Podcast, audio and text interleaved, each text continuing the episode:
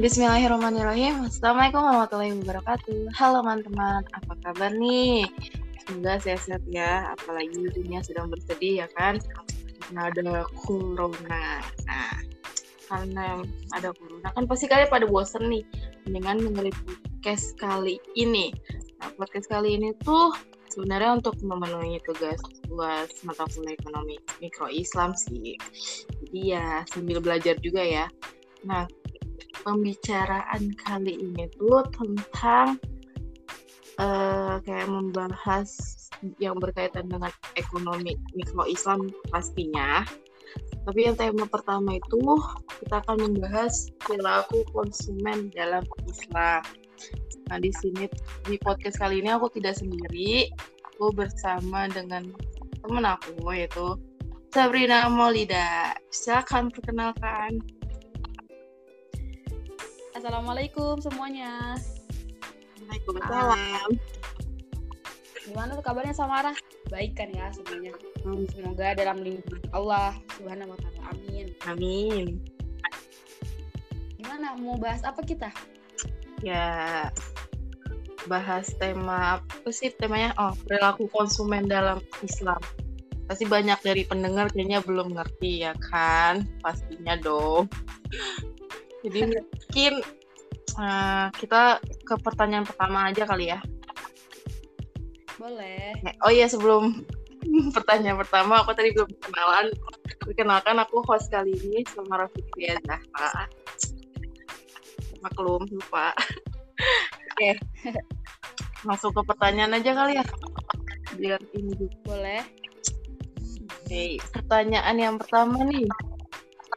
Pasti kan ada ya pendengar yang belum mengerti konsumsi dalam Islam itu apa? Boleh dijelaskan pengertiannya gitu, Sabrina? Uh, Oke, okay.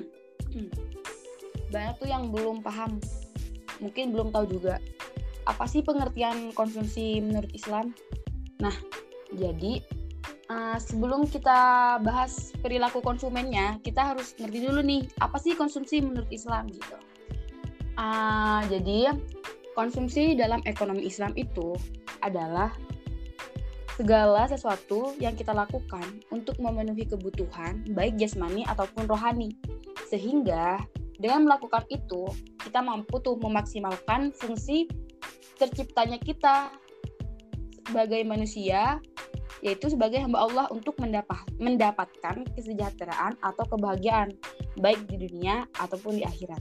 Nah, dalam melakukan konsumsi ini tentunya ada dong kriteria-kriteria atau peraturan-peraturan uh, perilaku konsumen yang didasarkan, maksudnya yang ditentukan. Nah, perilaku konsumen itu harus sesuai dengan syariat Islam gitu.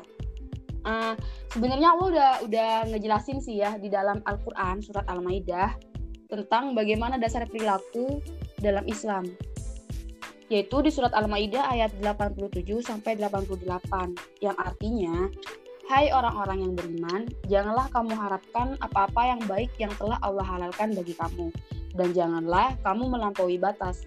Sesungguhnya Allah tidak menyukai orang-orang yang melampaui batas dan makanlah yang halal lagi baik dari apa yang Allah telah rezekikan kepadamu dan bertakwalah kepada Allah yang kamu beriman kepadanya. Nah, uh, kegiatan yang kegiatan yang dimaksud di sini maksudnya kegiatan konsumsi yang dimaksudkan itu uh, banyak sih yang bisa kita lakuin selagi hal itu tidak bertentangan nih dengan nilai-nilai dan prinsip Islam gitu Samara. Jadi uh, dalam mengkonsumsi itu kita perlu memperhatikan nilai-nilai apa yang harus kita lakukan dan apa yang harus kita dan apa yang tidak harus kita lakukan gitu. Jadi konsumsinya itu uh, udah diatur semua sih dalam Islam. Nah, uh, hal lain nih yang lebih dianjurin dalam Islam itu adalah melakukan uh, sebuah kegiatan konsumsi untuk memaksimalkan kemaslahatan dan bukan sekedar mengejar kepuasan pribadi gitu. Maksudnya kita mengkonsumsi itu bukan cuma kayak pengen puas. Maksudnya misalkan kita beli beli mie nih banyak banget. Pengen pengen puas doang pengen kenyang doang gak gitu juga. Maksudnya kita harus memperhatikan juga nih apa falahnya kemaslahatannya tujuannya gitu. Hmm. terus uh, kadang ada tuh uh, seseorang saudara bukan seseorang ya maksudnya saudara semuslim kita. Aduh grogi banget astagfirullah. Uh, saudara semuslim kita di luar sana nih yang uh, mengkonsumsi itu apa ya bukan untuk uh, kepuasan tapi untuk mendapatkan berkah. Hmm. meskipun kepuasannya itu ada sih cuma nggak sepenuhnya dia, dia dapat gitu. Kayak misalkan saudara muslim kita yang tinggal di negara yang minoritas Islam kayak di Eropa Amerika mana lagi ya di banyak apa yang minoritas, minoritas Islam di daerah-daerah sana gitu nah jadi tuh mereka rela ngeluarin biaya mahal, ngeluarin duit banyak untuk mendapatkan makanan yang halal. Karena kan di negara mereka susah tuh. Jadi emang bener-bener mahal tuh buat kita cari makanan yang halal gitu. Jadi kita emang bener-bener harus berhati-hati. Mereka aja yang emang minoritas Islam kayak pengen banget dapat falah, dapat kemaslahatan, dapat keberkahan, ngeluarin banyak uang demi dapat itu doang. Jadi kita udah selayaknya emang udah tinggal di mayoritas Islam nih ya di Indonesia apalagi kan.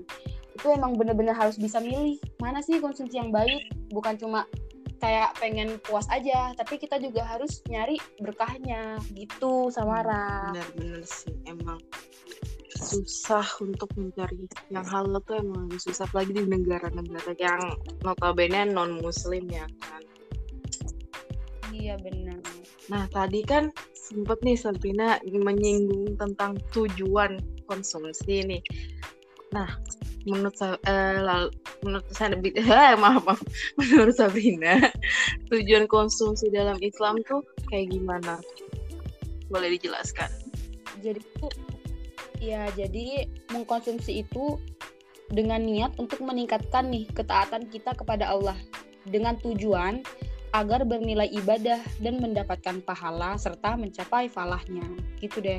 Nah, konsumsi ini bisa dinilai wajib sih bagi seorang muslim dalam merealisasikan tujuan yang dikehendaki Allah dalam penciptaan manusia. Maksudnya uh, tujuannya itu agar bernilai ibadah supaya kita bisa memaksimalkan tujuan Allah menciptakan kita itu itu untuk apa gitu kan? Allah menciptakan kita itu untuk beri, beribadah, untuk mengabdi kepadanya dan menyerahkan diri kepadanya.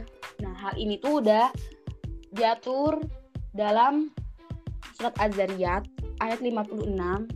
Allah berfirman yang artinya dan aku tidak menciptakan jin dan manusia melainkan supaya mereka mengabdi kepadaku. Kayak gitu deh. Jadi tujuan utamanya mengkonsumsi dalam Islam itu untuk meningkatkan ketaatan kita kepada Allah kayak gitu. Misalkan nih uh, kita mau sholat mau sholat tapi sebelum sholat kita tuh lapar tuh kan suka agak fokus ya iya. kalau misalkan lagi lapar iya. sholat nah jadi kita makan aja dulu habis itu kita sholat apa tujuan kita makan dulu tadi mengkonsumsi dulu gitu ya supaya kita tuh uh, lebih fokus lebih taat dalam beribadah kepada Allah kayak gitu. Banyak banget sih contohnya di dunia nyata tuh. Jadi tambah ilmu nih tujuannya. Oke okay, mungkin selanjutnya kali ya biar ini juga. Uh, uh, gini uh, banyak kan tadi udah pengertian konsumsi itu apa udah tujuannya mungkin sekarang perilaku konsumen bisa dijelaskan Sabrina kan pasti banyak juga yang kayak bingung perilaku konsumen tuh apa gitu kan. Oke oke. Jadi perilaku konsumen itu adalah sebuah tindakan atau proses atau hubungan sosial yang dilakukan individu atau sekelompok orang-orang untuk menggunakan suatu produk atau mengambil keputusan untuk membeli setu, sesuatu barang itu atau bisa juga mengkonsumsinya. Nah, uh, jika kita membahas tentang pengertian perilaku konsumen tadi, ada lima hal yang dinyatakan oleh McWally dalam membahas perilaku konsumsi seorang muslim. Jadi ada lima hal yang membedakan dan harus kita perhatikan jika dikaitkan dengan perilaku konsumen Islam, Muslim dan non Muslim. Ada lima hal nih. Jadi yang pertama nih, kalau non kalau Islam, kalau Muslim, tujuan utama konsumsi itu adalah mencapai kepuasan dari mengkonsumsi barang, yaitu mencapai juga kepuasan yang dikehendaki Allah. Maksudnya uh, kita gak cuma sekedar mencapai kepuasan untuk kita, tapi kita harus juga memenuhi uh, kewajiban kita kepada Allah sehingga Allah tuh puas dengan apa yang kita lakukan. Gitu. Terus yang kedua, jumlah barang dan jasa yang dikonsumsi seorang muslim itu sangat berbeda nih sama non muslim. Tahu nggak kenapa? Tuh. Soalnya, tahu tahu nggak tuh? Enggak, nggak tahu. Enggak. Soalnya di dalam Islam itu ada beberapa barang yang dilarang untuk dikonsumsi oleh seorang muslim. Misalkan alkohol, daging, babi, dan lain sebagainya. Kan kalau misalkan non muslim itu gak mikir ya, maksudnya uh, mereka ya udah sembarang alkohol udah kayak kebiasaan, daging babi juga udah makanan sehari-hari mereka gitu.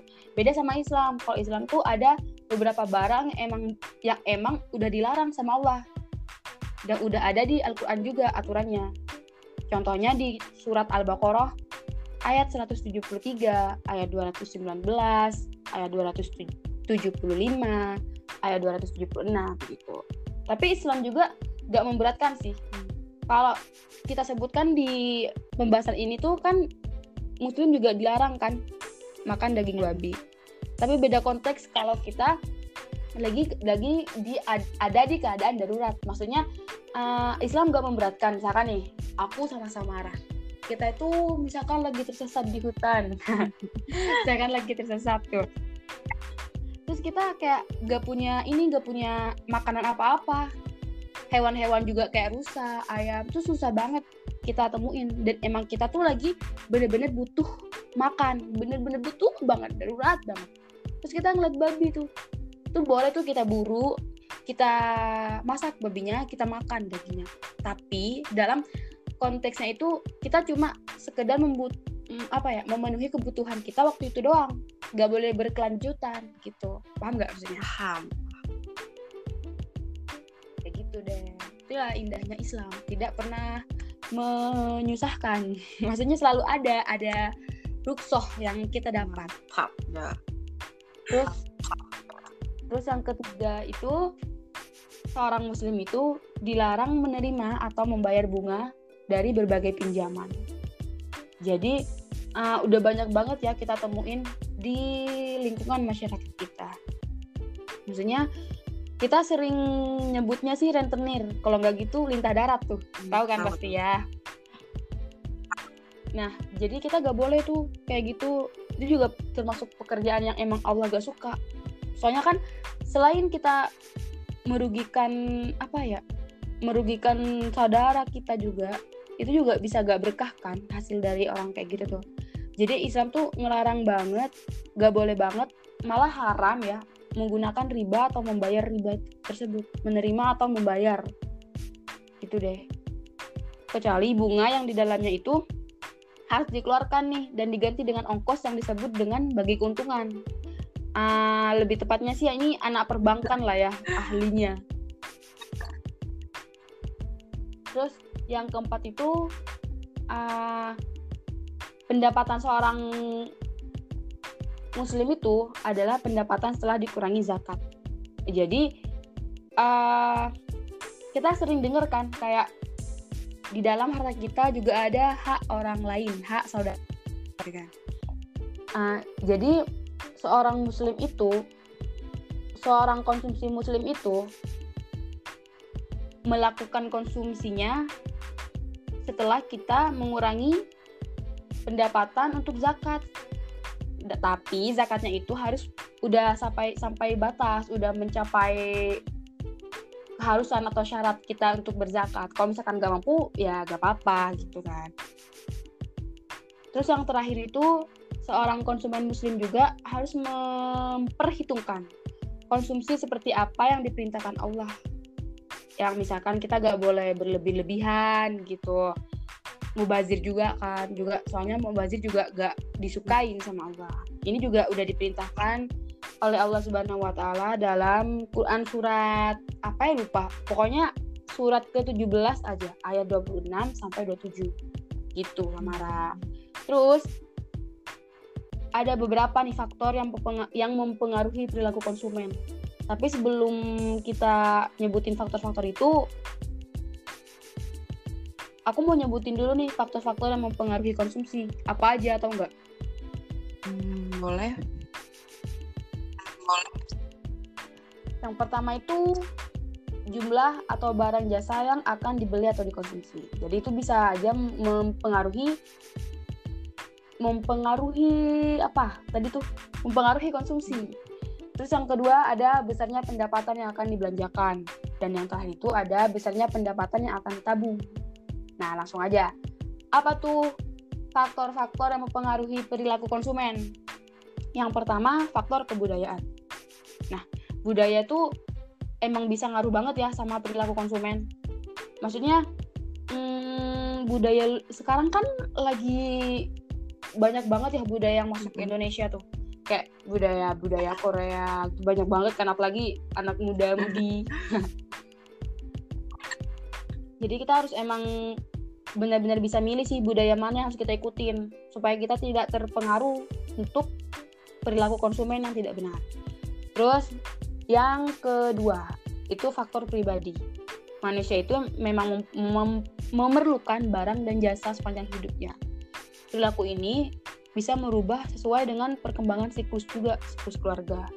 Nah, di dalam faktor pribadi ini, pekerjaan juga dapat mempengaruhi jenis konsumsi seseorang.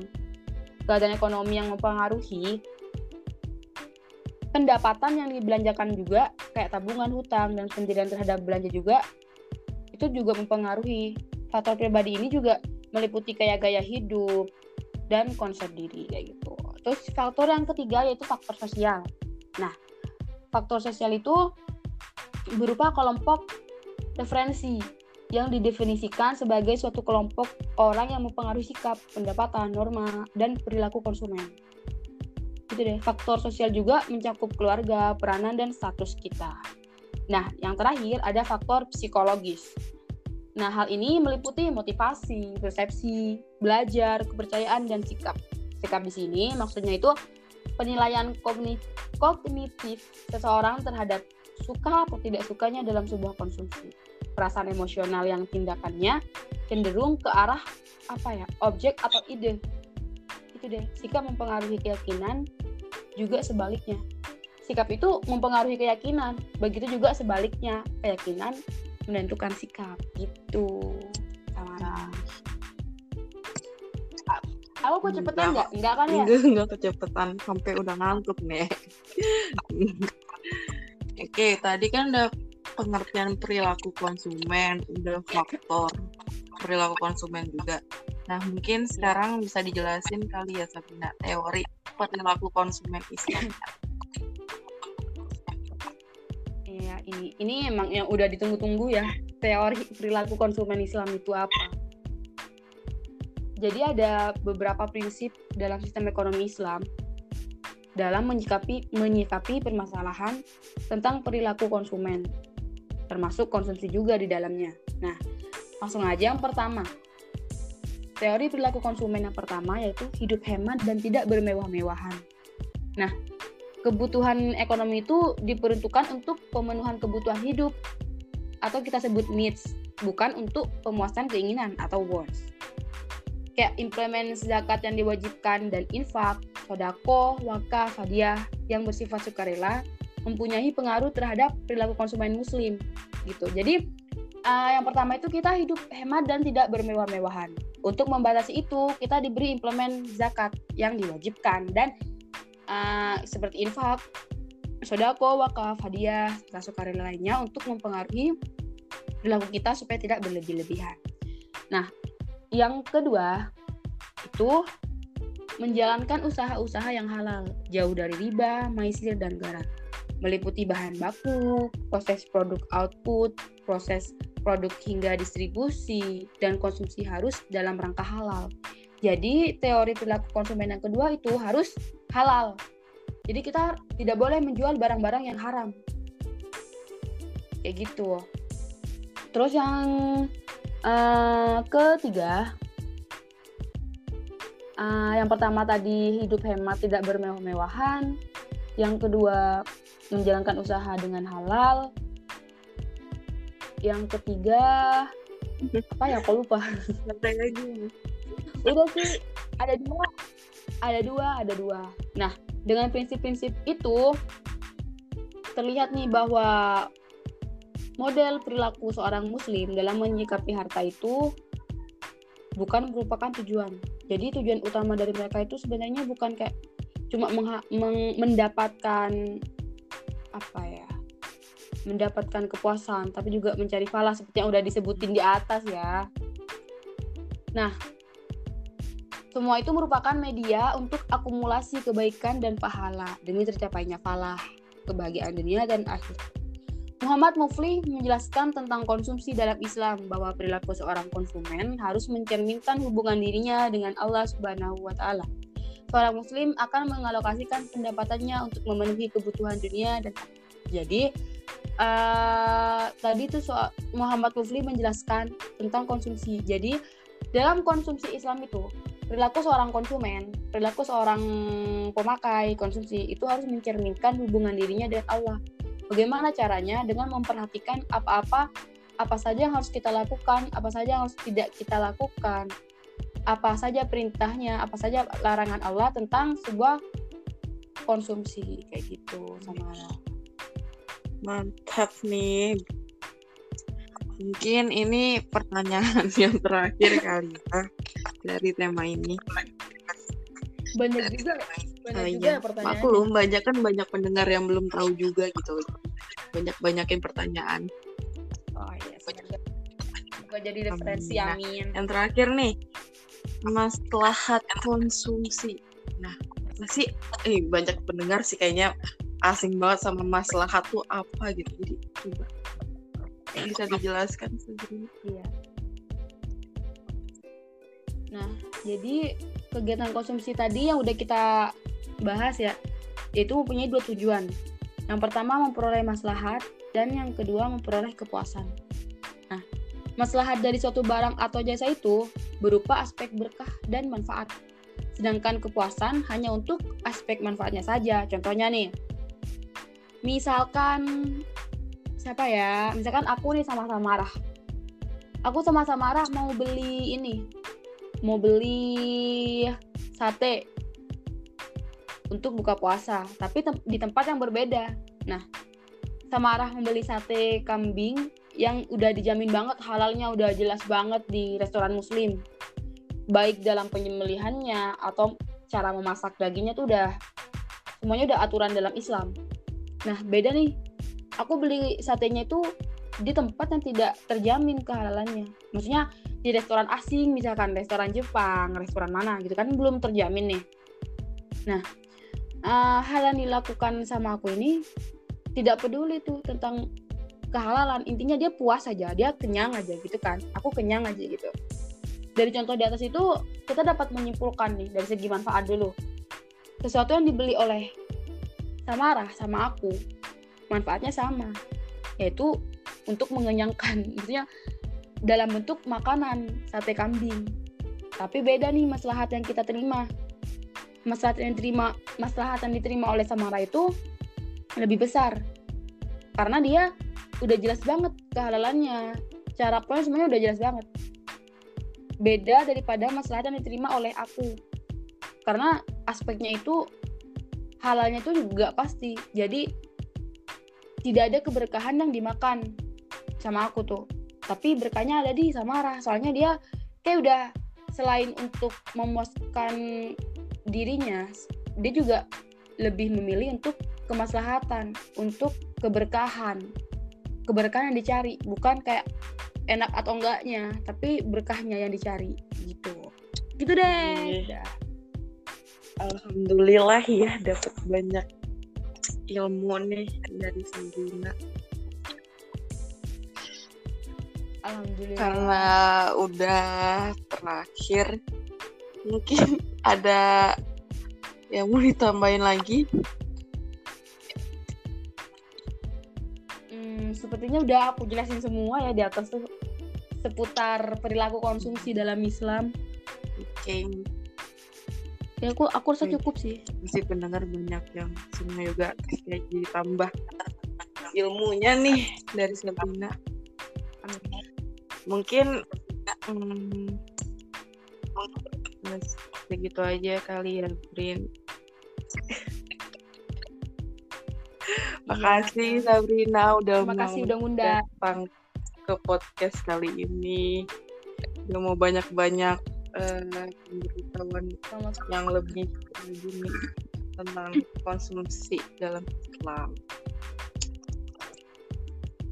Oke, Sama-sama. mungkin tema ke satu podcast kali ini udah selesai dan terima kasih kepada pendengar dan yang udah mau dengerin podcast kali ini. Nanti ketemu lagi di tema-tema selanjutnya ya. Assalamualaikum warahmatullahi wabarakatuh.